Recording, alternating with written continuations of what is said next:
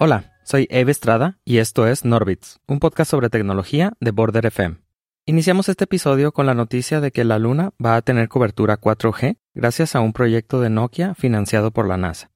La NASA anunció la iniciativa de financiación señalando que el sistema podría apoyar las comunicaciones de la superficie lunar a mayores distancias, mayores velocidades y proporcionar más fiabilidad que los estándares actuales.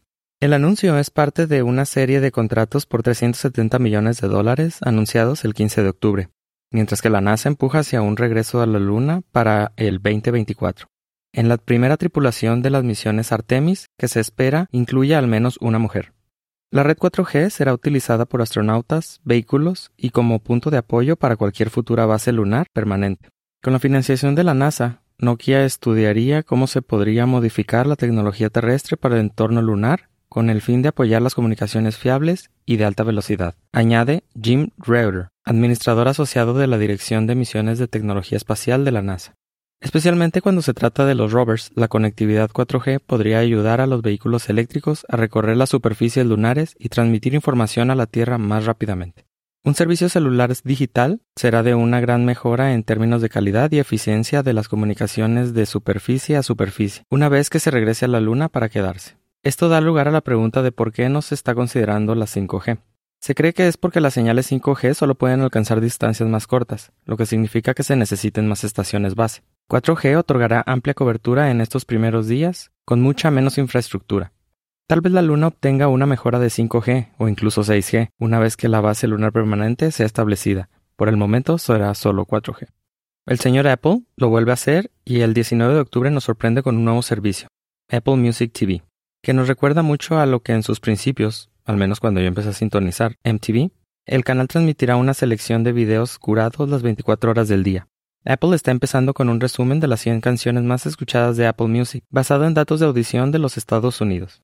Apple Music TV también tendrá estreno de videos musicales, espectáculos en vivo, listas de popularidad y mucho más. El servicio no tiene una propia aplicación dedicada, sino que se ofrece como una nueva característica dentro de dos de las aplicaciones de entretenimiento existentes de Apple. En su lanzamiento se puede ver Apple Music TV desde la pestaña de navegación de la aplicación de Apple Music o de la aplicación Apple TV. Aunque Apple Music es un servicio de suscripción de pago, Apple Music TV será gratuito para los usuarios de Estados Unidos, dice la compañía. Este movimiento culmina años de especulación y de hablar sobre cuándo y cómo Apple entrará el área de los videos musicales, que ha sido dominada por YouTube, Vivo y MTV en el pasado. Continuando con el tema musical, Google acaba de lanzar su función Tararear para buscar, Hum to Search, que permite a los usuarios tararear, silbar o cantar para identificar una canción. La función actualmente está disponible para 20 idiomas, y Google espera añadir más. La aplicación de Google está disponible para iOS y Android según el blog de Google. La tecnología funciona así. El usuario puede tararear, silbar o cantar durante 10 a 15 segundos y luego la tecnología de Google toma la melodía de la canción y la convierte en una secuencia basada en números. A partir de ahí, la secuencia se puede utilizar para identificar canciones basadas en una variedad de fuentes, incluyendo humanos cantando, silbando o tarareando, así como grabaciones de estudio.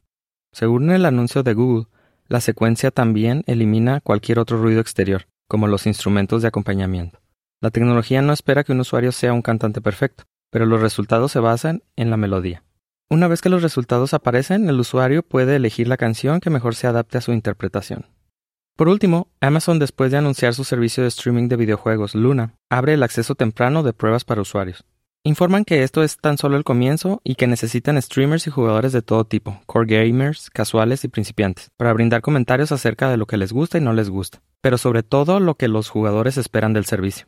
Los jugadores de acceso temprano tendrán acceso a Amazon Luna, donde los jugadores pueden jugar desde Fire TV, PC, Mac y o aplicaciones web para iPhone y iPad, con Android próximamente.